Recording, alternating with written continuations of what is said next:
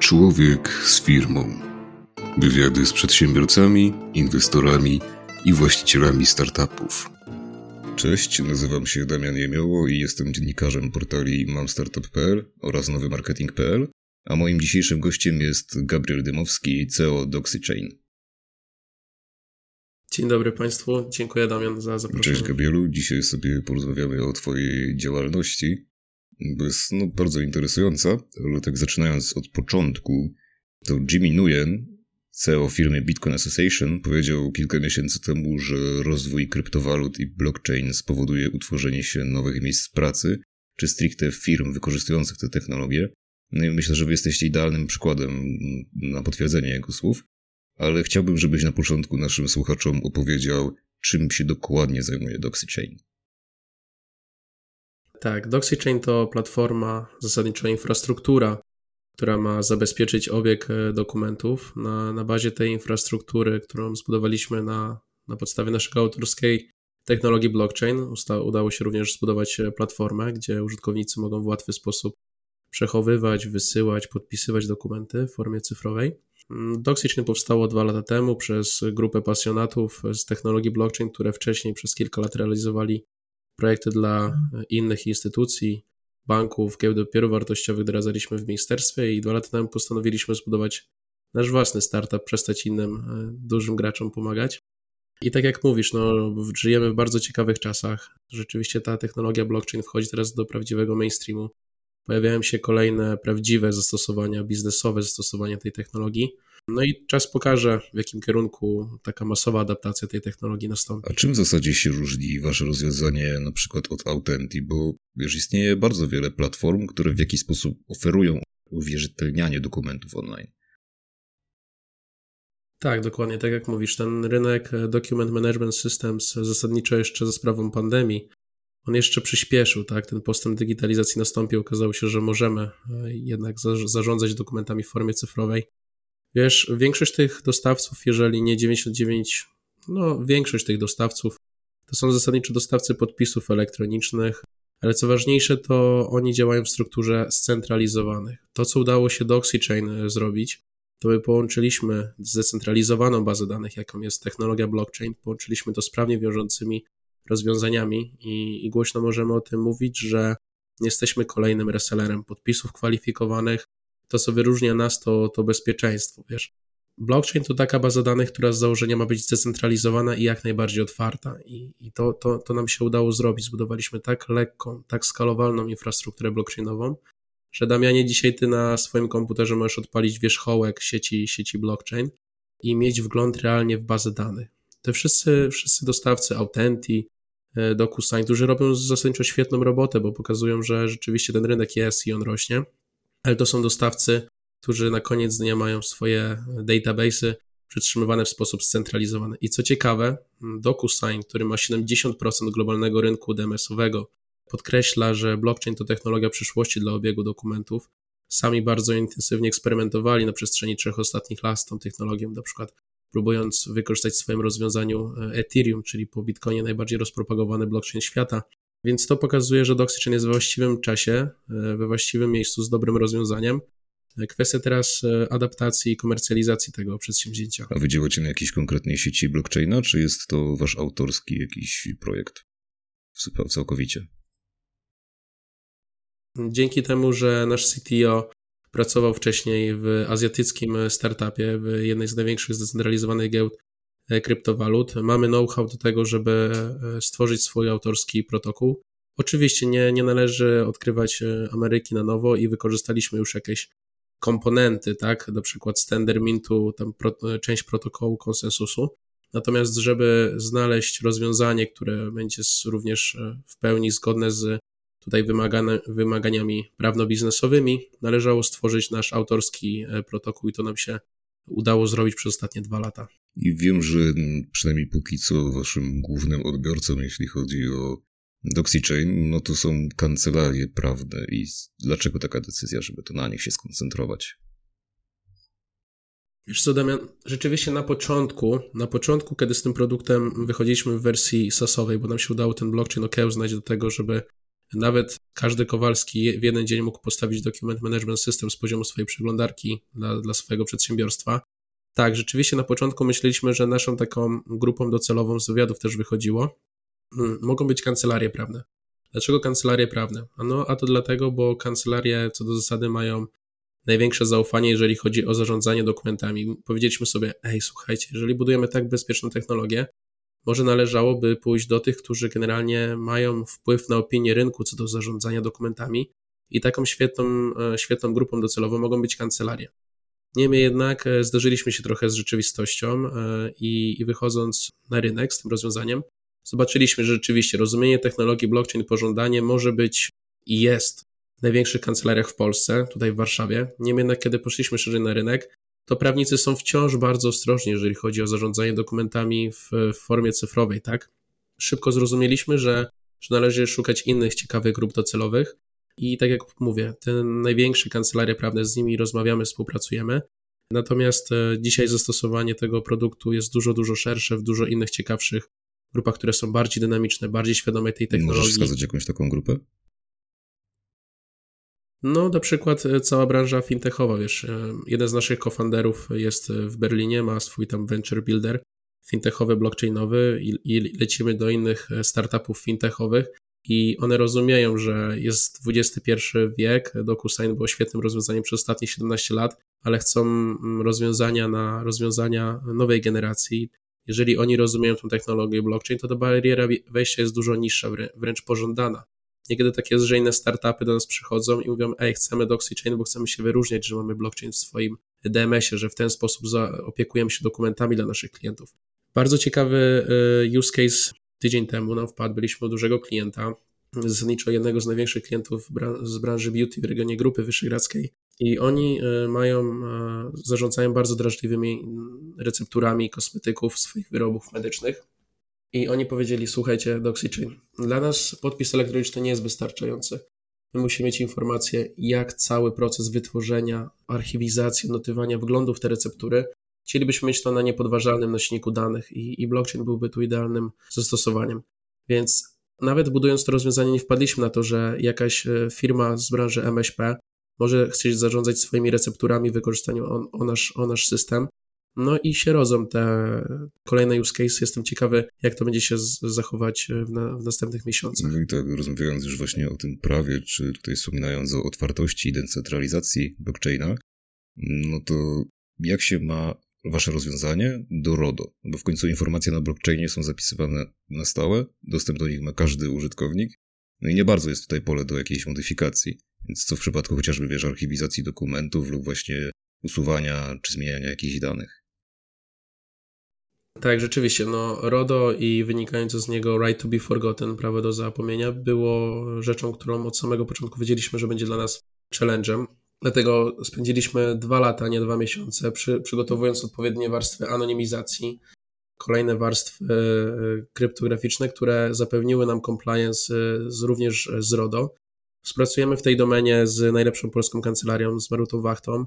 Zajęło nam to, mówię, niemało czasu, e, natomiast również sposób, w jaki zarządzamy kluczami prywatnymi sprawia, że udało nam się znaleźć taki kompromis e, bezpieczeństwa, e, wieczności tych, e, wieczności tych informacji przechowanych na blockchainie, że nasi klienci się mogą czuć bezpieczni i że mamy zaadresowany również problem wynikający tutaj z RODO i blockchain. Pamiętam, że w jednym z wywiadów przyznałeś kiedyś, że poszukiwanie inwestorów jest troszkę utrudnione ze względu na to, że wasza platforma działa na technologii blockchain, no bo KNF wielokrotnie ostrzegał chociażby przed kryptowalutami, no to z nimi blockchain jest tak bezpośrednio kojarzony, i co prawda ten wizerunek kryptowalut wśród państwowych i unijnych organów się zmienia, bo w końcu jakiś czas temu na przykład Europejski Bank Inwestycyjny wyemitował obligacje na blockchainie Ethereum, no ale domyślam się, że nie każdego można przekonać nie, jakby do blockchaina. To jak wyglądają wasze rozmowy z inwestorami?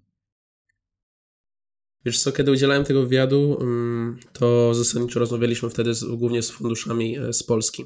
I to był rok 2020. E, kiedy w tym roku wyszedłem do funduszy mm, nie polskich, ale funduszy z Londynu, funduszy z Francji, funduszy z Niemiec, rozmowa nie wyglądała, po co używać ten blockchain, przecież blockchain to jest e, scam, tylko wyglądały, pytania zaczynały się, jak używacie tej technologii, to znaczy rozumienie tej technologii na tych innych rynkach jest dużo większe. Nie wspominając już no, o rynku amerykańskim, tak? Więc rzeczywiście w Polsce, rozmawiając z polskimi funduszami, niestety e, było pytanie, no przecież KNF powiedział, że blockchain to zasadniczo kryptowaluta. To było bardzo przykre e, i kiedy demotywujące. Natomiast rok 2021, kiedy DoxyChain zaczęło być rozpoznawalne nie tylko w Polsce, ale zostaliśmy wyróżnieni przez European Startups jako dziesiątka najlepszych e, projektów w Warszawie, jedyny projekt blockchainowy został wyróżniony w tym rankingu. I zaczęliśmy rozmawiać z zagranicznymi funduszami, widzieliśmy, że rozumienie i mm, chęć eksperymentowania z tą technologią jest dużo, dużo większa. I zrozumieliśmy, że zasadniczo to tam znajdziemy inwestora, aniżeli inwestorów w Polsce. Wracając jeszcze do KNF-u, to, jest bardzo ciekawe. Ja też pracowałem dla giełdopierów wartościowych dwa lata temu przy projekcie GPW Private Market, więc byłem blisko regulatorów. I zobacz, e, jakiś czas temu KNF e, ostrzegał przed tą technologią, e, mówiąc, że to kryptowaluty, że duże kuku i, duże, i to skamy, a dzisiaj KNF buduje Innovation Hub, gdzie doprasza generalnie, motywuje startupy, żeby przychodzili z kolejnymi projektami blockchainowymi, mówiąc, że blockchain to nie tylko kryptowaluty. Najbardziej boimy się tego, czego chyba nie znamy, Podobny case z JP Morgan. JP Morgan CEO w 2017 roku ostrzegał i groził palcem przed tą technologią, a dzisiaj mają świetnie funkcjonujący JP Morgan Coin, tak? Także należy rozumieć tę technologię, zanim jakieś tam poważne e, kierunki będziemy nadawać i opinie. No, natomiast tak puentując, polskie fundusze rzeczywiście, e, to też jest bardzo ciekawe, bo te najlepsze polskie fundusze widać, że już teraz e, rozumieją i chcą wchodzić w tą technologię blockchain, nawet kryptowalut no to zawsze trwa. Najpierw są Stany, potem Niemcy, Londyn. Y, siłą rzeczy przyjdzie również do Polski. No właśnie, bo wy z samymi kryptowalutami tak naprawdę nie macie zbyt wiele wspólnego, no nie? Dokładnie tak. No, budujemy rozwiązanie, e, infrastrukturę również dla klientów z branży regulowanej, więc wcześniej pracowaliśmy przy różnych projektach kryptowalutowych. Wspomniano tutaj o Misego, Golem. Część naszej ekipy zbudowała największą giełdę kryptowalut w regionie Grupy Wyszehradzkiej, mowa tutaj o BitBayu. Także my bardzo dobrze rozumieliśmy domenę kryptowalut, natomiast jeszcze lepiej blockchain i mówimy, jeżeli mamy budować rozwiązanie B2B SaaS, mm, nie może być w tym rozwiązaniu żadnej kryptowaluty. Kto jest waszym takim głównym inwestorem, jeśli mógłbyś zdradzić? Główny inwestor pojawił się w roku 2021. To pan Adam Rudowski. Niesamowite smart money pan Adam od początku roku wniósł. Adam zbudował e, wcześniej Veracom, ogromnego resellera IT na, na całą Europę i, i generalnie od przyłączenia Adama do spółki DoxyChain weszło na, na kolejny poziom rozwoju no tutaj ogromny wkład zarówno kapitałowy, jak i, jak i smart A widzisz teraz, że część tych inwestorów, z którymi rozmawiałeś, troszeczkę żałuje, że faktycznie wam nie zaufali, że nie spróbowali dziś ten kapitału was po prostu włożyć? Fajne pytanie i, i się lekko do niego uśmiecham, ponieważ rzeczywiście tak jest, że mm, rozmawiamy dzisiaj z zasadniczo dwoma funduszami w Polsce i patrzę sobie z perspektywy czasu na maile, które do nich leciały i w 2019, jak zaczynaliśmy, jeszcze na giełdzie pracowałem w 2020, no byliśmy niesamowicie e, zlewani. Mamy 2021 rok. Naturalnie musieliśmy dojrzeć jako zespół, e, gdzieś tam ułożyć wizję produktu, wizję technologii blockchain i pokazać, że generalnie te nasze wizje można dowieść, więc rozmawiamy trochę z, z innego pułapu. Niemniej jednak my się na nie nie zamykamy. Naprawdę dobry, dobry kapitał, dobre smart money to, to jest coś, czym my chcemy budować, ale tak jak mówisz, gdzieś tam byliśmy na początku tej przygody mocno zlewani. Dzisiaj banda chłopaków, która wysoko marzyła, do, dowiozła jakieś MVP, ma pierwszych klientów płacących i, i się jednak okazało, że się da. I, I ci klienci, ci inwestorzy teraz chcą z nami rozmawiać. Pamiętam, że celem waszego startupu było początkowo pozyskanie 3 milionów euro. Jak obecnie mhm. wygląda wasze finansowanie? Ile udało wam się pozyskać? Wiesz co, e, przy bardzo dobrej wycenie e, zrobiliśmy rundę bridge'ową z panem Adamem. No to było tak, wyszedłem po tą kwotę, której wspomniałeś e, w wakacje i, i generalnie to był taki newralgiczny moment, ponieważ wyszliśmy z platformą, ale jeszcze nie było płacących klientów. Chociaż w pipeline mieliśmy bardzo kaloryczne lidy, E, które teraz już e, są płacącymi klientami, no to wyszedłem do, do tych zagranicznych funduszy i oni powiedzieli, chcielibyśmy zobaczyć trakcję. Pan Adam, będąc w spółce, e, widział w jakim kierunku, jak, w jakim tempie Doxy się rozwija i postanowił przy dobrej wycenie zagwarantować nam e, kolejne finansowanie. Mm, więc tej rundy na 3 miliony euro nie zamknęliśmy, my ją przesuwamy na pierwszy kwartał przyszłego roku. Wiemy, że, że będziemy mieli wtedy argumenty w ręku, żeby mówić o zupełnie innej wycenie, i innej kwocie. Natomiast zbridżowaliśmy się na tym etapie z dotychczasowym Business Angelem. E, zamykamy się na mocny business development i, i pod koniec tego roku znowu otworzymy się na rozmowy z funduszami. Wróćmy może na chwilę jeszcze do technologii blockchain i tego waszego rozwiązania, bo w zasadzie to po co korzystać z waszych usług? W sensie, jaka jest korzyść dla firm, dla kancelarii, dla wiesz, jakichkolwiek innych podmiotów z tego, że oni uwierzytelniają swoje dokumenty przez blockchain, a nie na przykład, wiesz, na papierze albo za pomocą jakichś tam podpisów online. Wiesz, technologia blockchain daje nienaruszalność raz zapisanych e, informacji. I to, jak my podchodzimy do naszych klientów, my idziemy do, do, do dużych firm i mówimy: Nie ufajcie tylko DoxyChain, ale dajemy wam taką bazę danych, którą generalnie możecie współtworzyć. Jesteśmy otwarci, żebyście mieli wgląd, żebyście mieli prawo do partycypowania w konsensusie, jesteśmy najbardziej transparentnym, e, najbardziej transparentną infrastrukturą i systemem dla zaopiekowania się ich dokumentami. Wyobraźmy sobie taki bardzo abstrakcyjny przypadek, w którym korzystając z jakiegoś dostawcy usług scentralizowanych, nagle jest atak hakerski przeprowadzony na tego dostawcę usług. To jest single point of failure. Jeżeli e, by taki atak się udał przeprowadzić z powodzeniem, to, to generalnie znikają bardzo ważne dokumenty dla nich. To, co my robimy, to nadajemy ich i im dokumentom wieczność.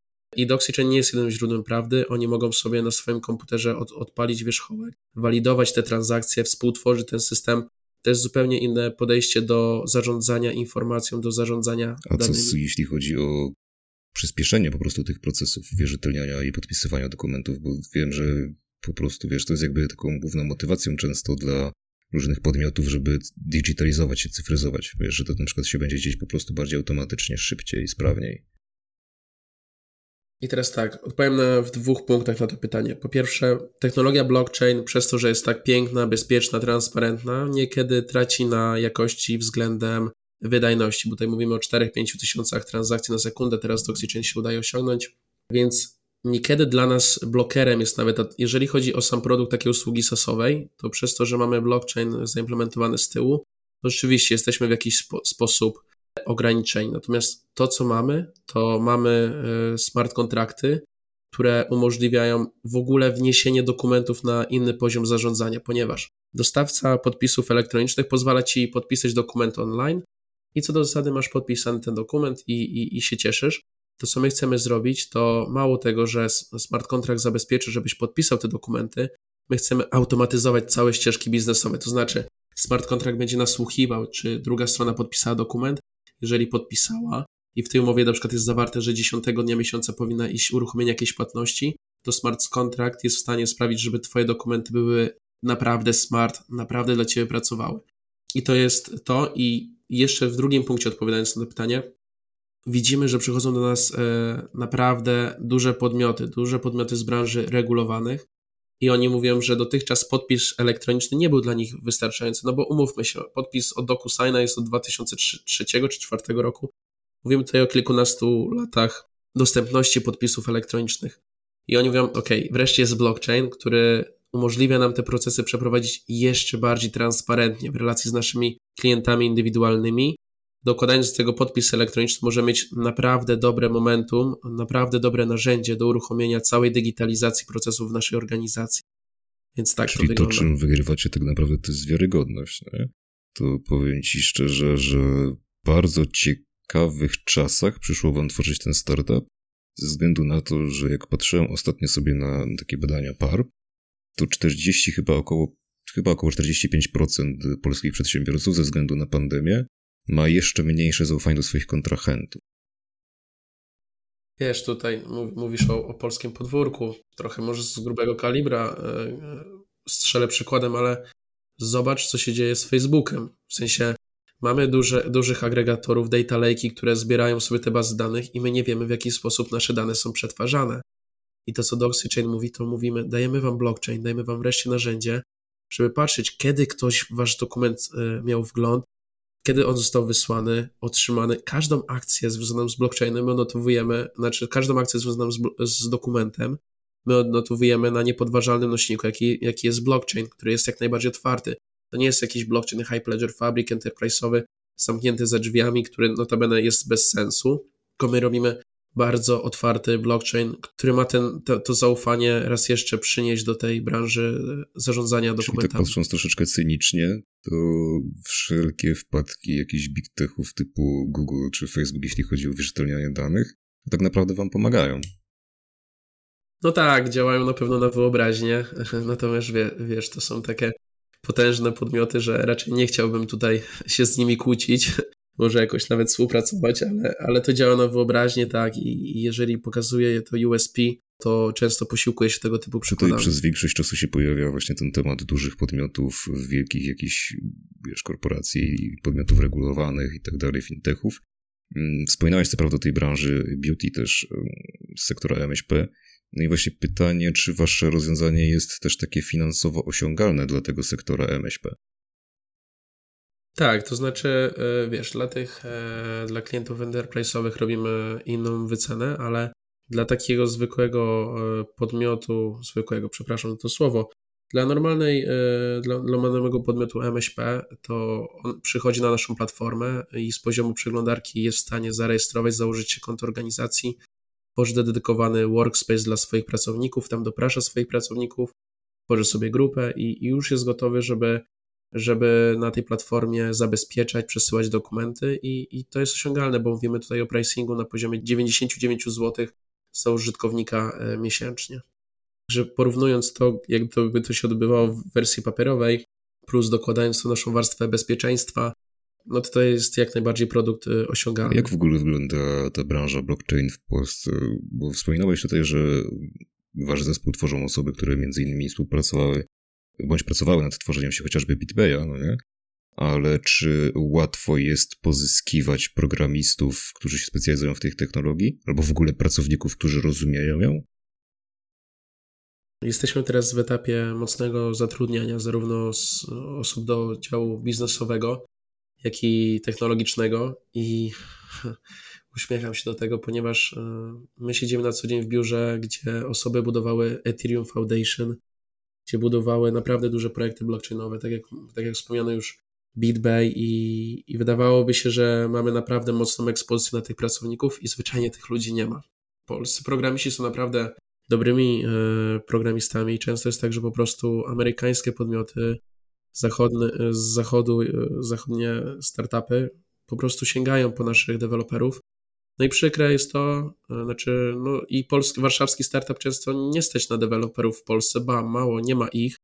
My musimy gdzieś szukać e, za granicą deweloperów. Cieszę się, że CTO i, i Daniel Bigos, który jest generalnie taką prawą ręką Piotra Żelazko, czyli głównego CTO, to są dwie osoby niesamowicie mocne blockchainowo. Ale tak, jest ciężko, ciężko o osoby, które rozumieją technologię. Jeszcze my napisaliśmy to w takim nietrywialnym e, języku, więc e, Piotr postawił rzeczywiście wysoką poprzeczkę e, firmom rekrutacyjnym.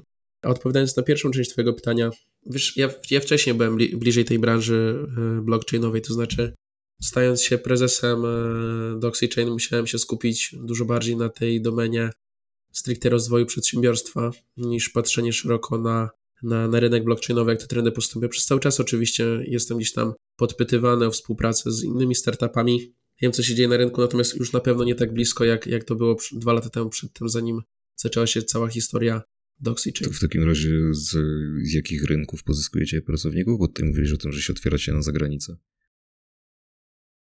Tak, w sensie współpracujemy z Talentem Alpha. To jest bardzo ciekawy polski e, startup, który ma ekspozycję na, na programistów z całej Europy.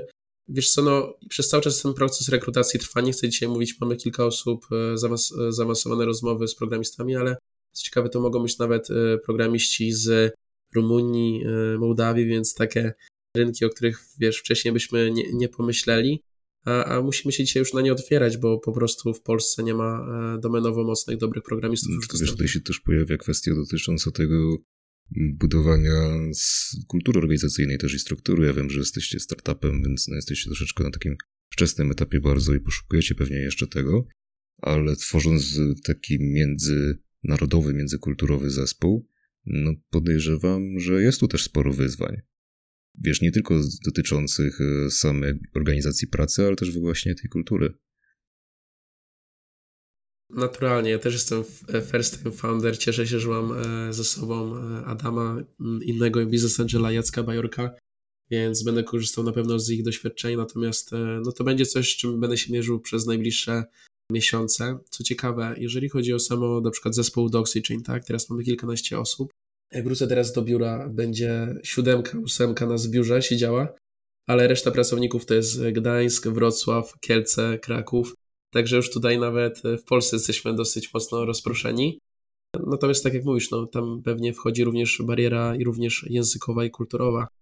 Także no, ciekawe czasy siedziałem. Patrzymy również na pracowników w Berlinie, więc Będziemy mówić po angielsku, będziemy latać po świecie, budujemy międzynarodowy startup, także musimy być gotowi na zatrudnienie międzynarodowych. No tak, myślę się, że macie też przez to międzynarodowe ambicje, no nie? No bo tutaj pozyskiwanie e, pracowników z zagranicy, pozyskiwanie właśnie pieniędzy od funduszy zagranicznych, czyli myślelibyście w przyszłości o, też o ekspansji?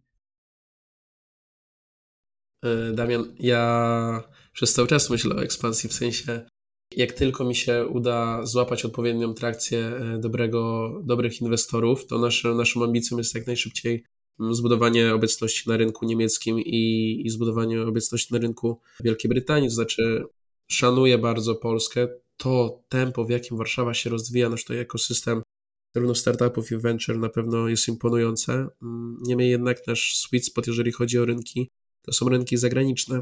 No i docelowo oczywiście rynek amerykański, gdzie jest DocuSign, Sequoia i Andresen szaleją z, z inwestycjami w blockchain i w bitcoin. Także mamy na pewno ambicje, żeby w przyszłym roku wychodzić e, poza granicę Polskę, jeżeli jeszcze Niemcy nie w tym Wielka Brytania to rozumiem przede wszystkim przez fintechy? Przez fintechy, przez fundusze, które e, tam są, e, przez już adaptację tej technologii. Tak, no te rynki są najbardziej rozwinięte, jeżeli mówimy o, o fintechach. Co ciekawe, dla nas bardzo ciekawym rynkiem również jest rynek szwajcarski. Tam dużo projektów idzie w kierunku STO, ICO i, i już teraz rozmawiamy z kilkoma fajnymi projektami, które na przykład na, na, na naszej platformie chcą podpisywać i przechowywać dokumenty bardzo ważne dla, dla ich ofert. Więc Szwajcaria również będzie rynkiem, na którym chcielibyśmy jak najszybciej zbudować swoją Może obecność. Tak na sam koniec podziel się swoimi planami na najbliższe kilka miesięcy. Bo tutaj mówisz też właśnie o rekrutacji, a poza rekrutacją? Plany na najbliższe kilka miesięcy. Okej, okay. po pierwsze, szukamy nowego biura. Y, chcemy znaleźć fajne biuro, bo szybko rośniemy. Chcemy do końca roku zatrudnić 15 y, osób. Kwartał przyszłego roku y, domknięcie rundy z fajnymi międzynarodowymi inwestorami i wyjście z tym produktem jak najszybciej poza granice Polski a przy okazji budowanie fajnego, mocnego zespołu, startupu, o którym się będzie mówiło nie tylko w Polsce, ale za granicą. Jeśli słucha nas ktoś, kto ma jakąś wolną przestrzeń biurową, to pamiętajcie, żeby uderzyć do Gabriela, bo szuka biura nowego. W Warszawie mam rozumieć. W Warszawie, w Warszawie, tak jest. Dobrze, to ja Ci bardzo dziękuję, Gabrielu, za rozmowę i życzę Ci powodzenia jak najbardziej, jeśli chodzi o rozwój tej technologii e, i Waszego startupu, bo uważam, że potrzebujemy więcej, zdecydowanie więcej rozwiązań blockchainowych na rynku. Damian, bardzo Ci dziękuję za tą rozmowę. Bardzo miło, miło, miło było mi być dzisiaj Twoim gościem. To ja Was wszystkich zapraszam na mamstartup.pl i nowymarketing.pl. Trzymajcie się i do usłyszenia. Cześć.